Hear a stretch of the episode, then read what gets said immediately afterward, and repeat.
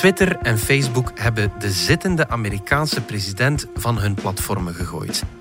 Dat is, en dat zegt de Europese commissaris voor de interne markt, dat is het 9-11-moment van de sociale media.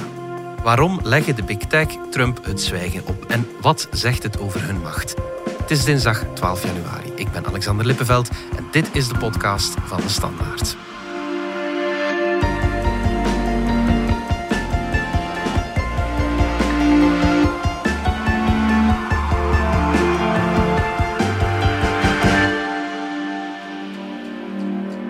Vrijdag, Amerikaanse tijd, verspreidde Twitter een officiële mededeling dat de account van Donald Trump is opgeschort. Niet voor eventjes, maar permanent. After close review of recent tweets from the at real Donald Trump account and the context around them, specifically how they are being received and interpreted on and off Twitter, we have permanently suspended the account due to the risk of further incitement of violence. Bij zo'n dramatische momenten nodigen we niet één, maar twee collega's uit in de studio. Uh, Technologie-journalist Dominique Dekmijn en buitenlandredacteur Roland Termote, die op afstand zit. Dominique, Twitter gaf een zeer omstandige uitleg voor uh, het schrappen van het account van Trump. Uh, ja, omstandig naar hun doen. Mhm. Het kwam erop neer dat ondanks dat die twee laatste tweets van Trump, dat daar niet zoveel aan te merken is, zeggen ze, ja, maar als je ze in de context leest, dan zijn ze toch eigenlijk wel een verheerlijking van geweld en dat mag niet. Mhm. Dus uh, ja, heel streng. Ja. Waarbij je natuurlijk wel moet onthouden dat ze twee dagen eerder aan Trump hadden gezegd van, ja, maar nu is het wel de laatste kans. Ja. Dus is het niet onlogisch dat ze dan uh, nu wat strenger zijn. Ja, ja, ja. Maar in die laatste tweets, ja, zoals je zegt, die zijn eigenlijk redelijk braaf. Hij kondigt gewoon aan dat hij niet naar de inauguratie gaat van Biden. Hij erkent zelfs zijn verlies. The demonstrators who infiltrated the Capitol have defiled the seat of American democracy. To those who engaged in the acts of violence and destruction, you do not represent our country. And to those who broke the law, you will pay. A new administration will be inaugurated on January 20th. My focus now turns to ensuring a smooth, orderly, and seamless transition of power. And to all of my wonderful supporters, I know you are disappointed, but I also want you to know that our incredible journey is only just beginning. Thank you, God bless you, and God bless America. Mag ik het dan een beetje raar vinden dat het op basis van deze tweets is dat hij toch uiteindelijk gebannen wordt. Hij heeft al veel bedenkenswaardiger dingen getweet dan, dan dit. Ja, en, en daar kun je alleen maar zeggen, ja, ten eerste dat hij dit keer een waarschuwing had gekregen en dat ze hem dus wel gezegd hadden van bij de eerstvolgende overtreding vlieg je er dit keer uit. Mhm. Dus dat verandert de situatie een beetje. En natuurlijk moet je kijken dat alles wat tot hiertoe theoretisch leek, van ja, al die, al die tweets van Trump, dat kan ooit wel eens een keer mislopen en tot echt geweld leiden. Ja, mhm. opeens zie je dan heeft iedereen gezien dat dat effectief tot echt geweld kan leiden, kun je ook niet meer doen alsof ja, het is maar een beetje praten. Het werd allemaal heel anders gelezen en dezelfde tweets, dezelfde berichten die op 5 januari nog werden gezien als ja, dat is vrije meningsuitdrukking en ja, men, men is daar gewoon uh, ja, een mening aan het geven. Ja. En ja, dat klinkt dan een dag later uh, heel anders. Ja, ja. Roland heeft het meegespeeld dat uh, Trump nog maar enkele weken of enkele dagen eh, president is, dat hij nu net gebannen wordt? Dat gevoel krijg je wel, ja. Mhm. Want zoals Dominique zei, de uitspraken die hij daar deed waren zeker niet de strafste. En eigenlijk zelfs ja, moeilijk om aan zich aanstoot aan te nemen. Niet alleen moeten die dingen in zijn context geplaatst worden, het lijkt dat de context eigenlijk bijna alles bepalend was voor die beslissing. Er was een momentum op gang gekomen. Facebook was er ook al in meegestapt. Daarna krijg je dan later ook, zul je ook Amazon zien. Dus je ziet dat uh, ja, de, de techwereld keert Trump dan de rug toe. En natuurlijk, ja, uh, zijn rijk is uit. Veel mensen roepen nu dat de president ja, gecensureerd wordt. Hoe valt dat te rijmen met, uh, met de freedom of speech, met de vrijheid van meningsuiting? Wel, de Amerikaanse grondwet beschermt de vrijheid van meningsuiting, maar dat uh, fameuze eerste amendement van de grondwet mhm. zegt eigenlijk dat de overheid, de overheid geen wetten mag eh, instellen die de vrijheid van meningsuiting beperken. Zegt eigenlijk niks over wat bedrijven mogen doen. En men gaat er in Amerika eigenlijk van uit dat een privébedrijf mag doen wat het wil. En daar wordt de vergelijking wel eens gemaakt met eh, de cafébaas die mag bepalen of een bepaalde cafébezoeker eh, wel of niet over de schreef gaat. Mhm. Of een andere vergelijking die je wel hoort. De standaard mag een lezersbrief plaatsen, maar als wij jouw lezersbrief niet plaatsen, zijn wij jou niet aan het censureren. Mhm. Dat is niet de betekenis van het woord censuur. Mhm. Iets anders is dat je natuurlijk wel duidelijk ziet dat het vrije debat beperkt wordt op het internet en met name op Twitter, dat wel.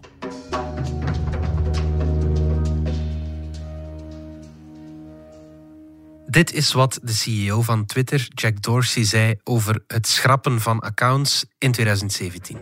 we hold every single account to the same standard, to the same rules, and to the same policies. If an account were to publicly attack or harass a private citizen, for instance, uh, we would take action. And we would, of course, have conversations with uh, the party involved in, in the abuser, the harasser. Zijn er nog mensen die uh, de Trump-behandeling moeten vrezen? Want ik ik veronderstel dat er mensen zijn die even ver gaan en misschien nog wel veel verder. En het is eigenlijk omgekeerd. Hè? Dus mhm. Twitter heeft de laatste twee jaar veel strenger opgetreden. En eigenlijk maakte een uitzondering voor mensen die een belangrijke publieke rol spelen. Niet specifiek toppolitici, maar iets breder dan dat. Maar mensen die in de politiek een, een grote rol spelen, werd de hand boven het hoofd gehouden. We do have a, a clause in our terms of service around newsworthiness and public interest. and keeping content up because it is of public interest, because there is reporting on it, because it is a record of an action. And this is a subjective evaluation by us. In some cases, we're going to get it wrong. And toch even niet vergeten, ze kregen daar gigantisch veel kritiek over. Hè. Dus een heleboel heel mondige mensen waren al maanden, eigenlijk al jaren aan het zeggen: wanneer gaan jullie nu eindelijk jullie eigen gebruiksregels. Mhm. Rond oproepen tot geweld en rond racisme toepassen op de president van Amerika. De belangrijkste man die die regels eigenlijk het overtreden is. En tot hiertoe heeft Twitter al gezegd: voor Trump voor mensen met een belangrijke maatschappelijke rol maken we een uitzondering. Mhm. Die mogen die dingen wel zeggen, omdat je als bevolking het recht hebt om te zien wat je leiders zeggen. En die uitzondering is nu eigenlijk weggevallen.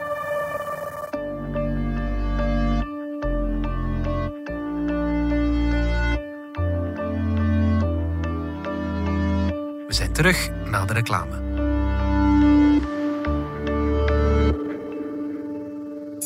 Niets is, alles wordt. Dat hadden de Grieken 2500 jaar geleden al begrepen. En dat is nog altijd zo. Vandaag wellicht meer dan ooit. Maar hoe vind je je weg in een wereld die almaar sneller verandert? Kennis is het beste kompas, weten we bij BNP Paribas Fortis. En kennis hebben we en delen we graag. Dat doen we ook in de podcast Stand van Zaken. Trump heeft veel getweet. It's freezing and snowing in New York. We need global warming. Lowest rated Oscars in history. Problem is, we don't have stars anymore, except your president. Just kidding, of course. If Hillary Clinton can't satisfy her husband, what makes her think she can satisfy America? Sorry, haters and losers, but my IQ is one of the highest. People are saying I'm the best 140 character writer in the world. It's easy when it's Will fun. someone inform the North Korean leader that I do have a nuclear button, but it's a much bigger and more powerful one than his? And my button works. Wat was het belang van Twitter voor Trump? Wel, enerzijds had hij natuurlijk zo'n 89 eh, miljoen volgers, dus, dus dat is een megafoon op zich. Anderzijds is het ook zo dat alles wat hij daar tweette werd onmiddellijk uitvergroot door een heel ecosysteem uh, van zowel sociale media en zijn volgers. En, en dat ging dan van, van ja, heel traditionele mensen tot aanhangers van de QAnon-theorie, die elk woord dat hij daar uh, loste, wekten en wogen om te zien of, of er ja, uh, cues in zaten uh, voor, die, die ze konden gebruiken in hun getheoretiseer. Ja. En anderzijds ook gewoon de, de mainstream media, die het gewoon hanteerden, die zijn Twitterfeed hanteerden als een informatiebron. Waar ze vroeger bij vorige presidenten toch meer moesten kijken naar officiële speeches, televisietoespraken En waar er dus ook meer gatekeeping was eigenlijk. Natuurlijk, als hij straks geen, geen president meer is, dan zal hij die megafoon van die mainstream media, die zal hij wat moeten missen. Hè? Ja, en hij zoekt die nog wel natuurlijk. Dus in, in die zin is het een beetje een klap voor hem dat hij niet alleen op, op Twitter en Facebook op dit moment persona non grata is, maar ook op alternatieve apps zoals Parler. Ehm, je ziet dat hij ook op Fox News, wat ook, uh, ja, die, die, die zichzelf eigenlijk leende als, uh, als een megafoon voor Trump, dat hij daar ook minder tractie heeft dan tevoren. Dat, dat uh, Rupert Murdoch uh, ook de steven gewend heeft en, en, niet meer zo loyaal is als, als voordien. Mm Tegelijk is er ook wel, probeert hij te pivoteren naar dan weer andere alternatieve tv-kanalen ook, zoals One American News. Ja. Maar ja, dat is toch niet van dezelfde envergure als Fox News, uh, mm -hmm. die echt al decennia aan de weg bouwen. Het lijkt er wat op dat Trump wat in de marge zal verdwijnen na zijn presidentschap. Klopt dat of niet? Tot nu toe dachten we net het omgekeerde. Hè? Dat, dat hij echt het debat ging kunnen blijven domineren. Ja. Zoals hij dat zo meesterlijk gedaan heeft de afgelopen vijf jaar. Het is net op het moment dat de CEO's van uh, Facebook en Twitter hebben gezegd van... Het is genoeg geweest, we gooien hem eraf is men dat opeens anders gaan bekijken. Want ja, die man is opeens afgesneden uh, van, van zijn publiek. Niet in de eerste plaats van zijn eigen core publiek, want zijn hardcore achterban uh, zal hij nog wel weten te bereiken. Ja. Dat is zo moeilijk niet. Mm. Maar een breder publiek, ja, die 89 miljoen mensen. Ja, zelfs als hij op Fox uh, News live een interview gaat doen, ja, dat is dan misschien 2, 3, 4 miljoen mensen. Ja. Dat zijn er geen 89 miljoen. Nee, nee, nee. Het is ook een beetje zoals in het bredere politieke debat. Uh, uiterst rechtse talking points krijgen vaak veel meer tractie of, of vinden vaak ingang bij een groot publiek als ze overgenomen worden door ook meer traditionele partijen. En hetzelfde geldt soms een beetje op sociale media. Als Trump vastzit in zijn niche, mm-hmm. met alleen maar de echte hardcore achterban, dan krijgt hij minder tractie dan wanneer die boodschap ook kan doorfilteren naar de ja, laten we zeggen, traditionele sociale media, Facebook, Twitter enzovoort. Mm-hmm. Ja, het, het, toont wel de macht van die, uh, van die sociale media, hè, van Facebook en, en Twitter. Hoe, hoe moeten we dat inschatten? Hoe moeten we die macht van die, van die big tech zien? Wel, tot hiertoe hebben die sociale netwerken altijd volgehouden van ja, maar wij zijn eigenlijk maar een soort platform. Hè. De mensen kunnen, kunnen bij ons uh, een praatje ja. komen maken, ze zeggen wat dat ze willen en wij komen daar eigenlijk niet in tussen. Dat is, dat is traditioneel hoe dat men het internet heeft opgebouwd. Hè. Iedereen doet maar dat is ook wat de Amerikaanse wetgeving expliciet voorzien heeft. Een internetplatform, Facebook, Twitter, is in wezen volgens de Amerikaanse wet niet verantwoordelijk voor wat mensen daar vertellen. Mm -hmm. Hoeven zich daar niet mee te bemoeien. Iedereen doet maar. Mm. Dat is de traditie van het internet. Wat we nu vaststellen is dat men meer en meer aan die netwerken is gaan vragen van ja, maar laten we het toch een beetje netjes houden. En als het racistisch is, als het gaat om oproepen tot geweld, daar moeten we toch iets aan doen. Mm -hmm. En onder druk zijn die netwerken daar meer en meer tegen gaan uh, optreden. Alhoewel dat au fond dat niet is wat ze eigenlijk echt willen. Dat interesseert Facebook en Twitter niet echt. Mm. Twitter had het liefst, was het liefst altijd het forum van de vrije meningsuiting gebleven. Ja. Een, een, vroegere topman van Twitter noemde het de Free Speech Wing of the Free Speech Party. Okay. En dat is ook maar een jaar of vijf, zes geleden. Okay. Dus toen was Twitter, free speech, free speech, free speech. Ze zijn er pas de laatste jaren onder veel externe druk op teruggekomen. Ja, ja, ja. In de VS woedt nu de discussie over section 230 van de wet uit 1996.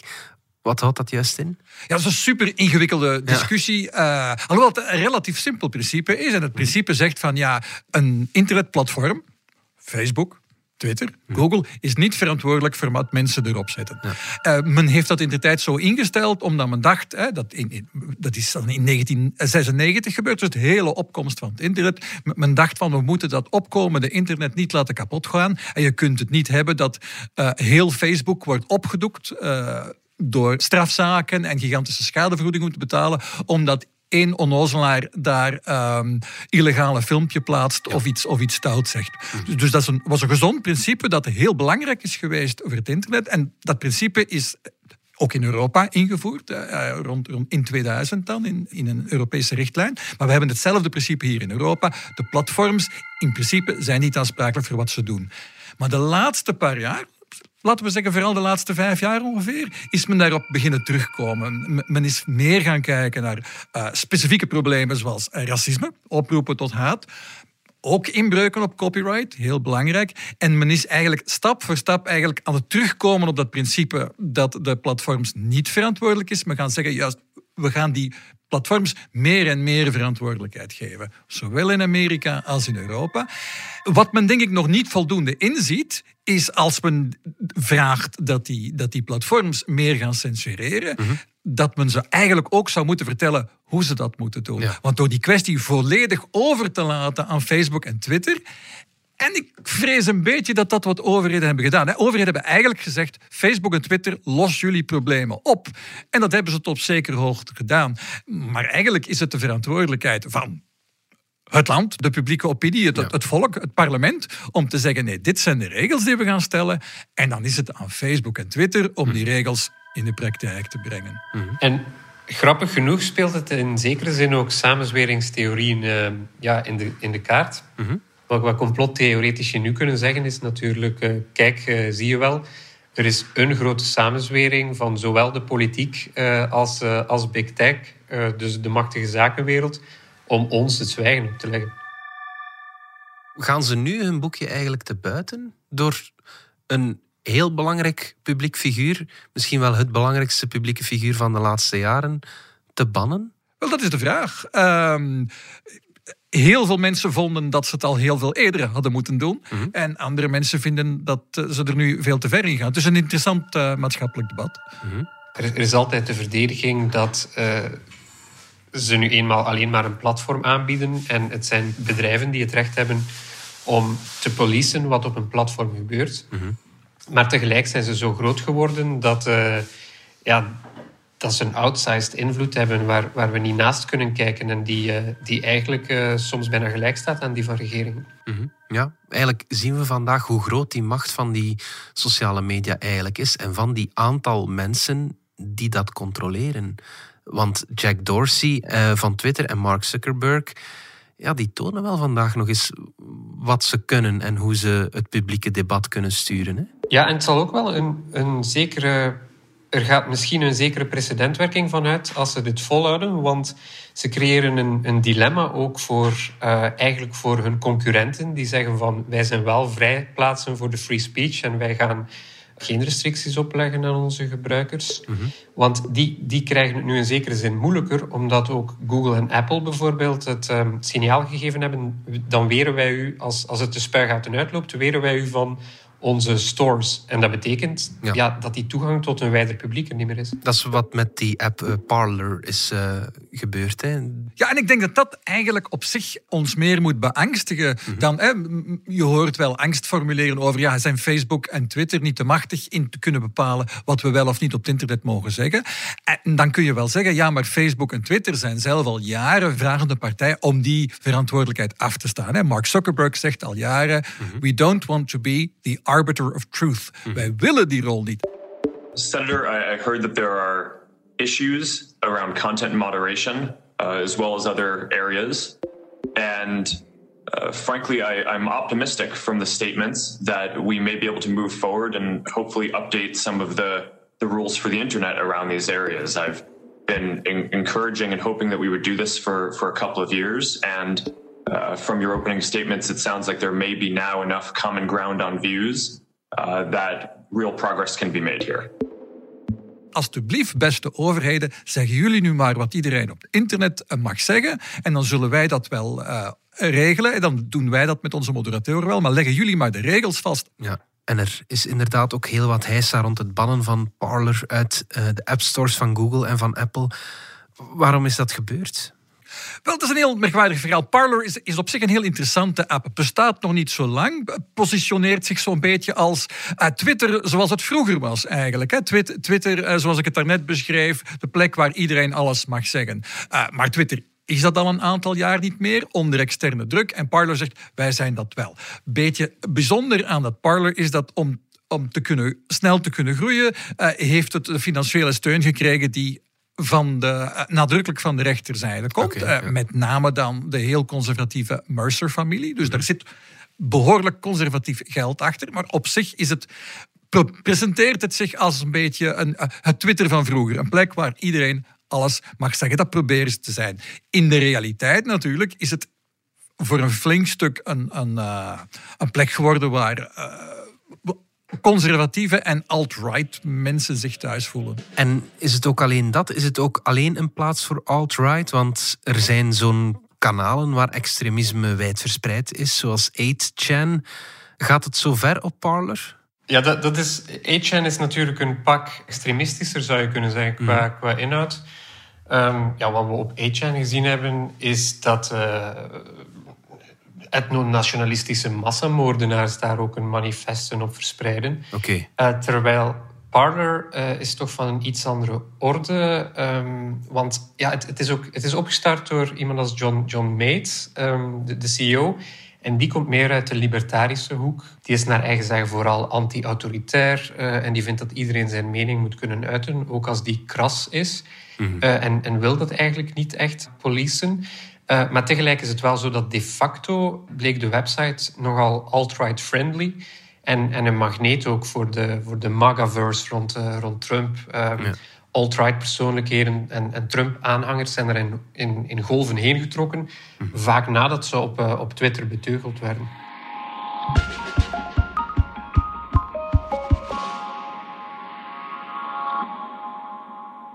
Thierry Breton, de Europese commissaris voor uh, interne markt, die vindt dit wel echt een scharnierpunt. In Politico zegt hij, zoals 9-11 een transitie was voor wereldwijde veiligheid, uh, maken we nu een keerpunt mee in de rol van digitale platformen in onze democratie. Dat zijn heel grote woorden. Hè? Heeft hij een punt? Wel, als hij, als hij natuurlijk uh, dit het 9-11 van de sociale media noemt, bedoelt hij eigenlijk alles wat daar misliep in het kapitool is de schuld van de sociale media. En zegt hij dus eigenlijk, de sociale media hadden al veel eerder en veel strenger moeten optreden. Dus hij zit in een ander kamp. Hij zit eigenlijk meer in het kamp van, nee, die sociale media moeten juist veel strenger zijn. Mhm. Dat is ook wat Europa al jaren zegt. Maar Europa heeft een paar interessante ideeën erin. Op dit moment wordt daarin Europa druk over gedebatteerd. En Beton zelf heeft vorige maand uh, zijn plannen voorgesteld voor uh, de Digital Services Act. Dat is een, flink dik stuk nieuwe Europese wetgeving. En daarin wordt vooral voorzien dat men strenger toekijkt op de sociale media. En dat zij dus ook strenger moeten optreden, strenger modereren uh, tegen haat. Dus eigenlijk heeft Europa gevraagd meer van dat graag, nog strenger, nog sneller mensen eraf gooien. Maar tegelijk voorzien ze wel dat je dan zou kunnen in beroep gaan tegen als je van Twitter, Facebook gegooid wordt. Dus er zit wel een soort... Uh, Checks and balances. Ja, dat zit er wel in. En dat moet er dringend komen. Hè. Dus Europa moet uh, dringend gaan kijken naar hoe we ons internet willen organiseren. Amerika gaat dat ook doen. Ik vond het heel interessant dat Breton ook zegt van misschien moeten wij en Biden eens een keer rond de tafel gaan zitten en proberen gelijkaardige principes aan beide kanten af te spreken. Ik onthoud één ding, het vrije internet van twintig jaar geleden waarin je alles mag doen en zeggen dat bestaat niet meer. Dat is voorbij, precies. En dat zijn we ons nu aan het realiseren. En nu realiseren we dat ons dat we ook moeten zelf bepalen, zelf wij, van de overheden, zowel in Europa als in Amerika, dat wij nu de regels, de nieuwe spelregels moeten uitzetten. Dat we dat niet kunnen overlaten aan die bedrijven. 2021 wordt in ieder geval een jaar waarin uh, veel grote debatten samenkomen over de macht van uh, big tech, en ook over uh, ja, politiek debat online en wat er wel en, en, en niet uh, moet kunnen. Dus, uh, dus wat dat betreft zitten we in een heel interessant tijdsgericht. Mm. Goed. Roland Termoten, Dominique Dekmijn, dank jullie wel. Dit was de podcast van De Standaard. Bedankt voor het luisteren. Reageren kan via podcast.standaard.be. Alle credits vind je op standaard.be-podcast. Morgen zijn we opnieuw.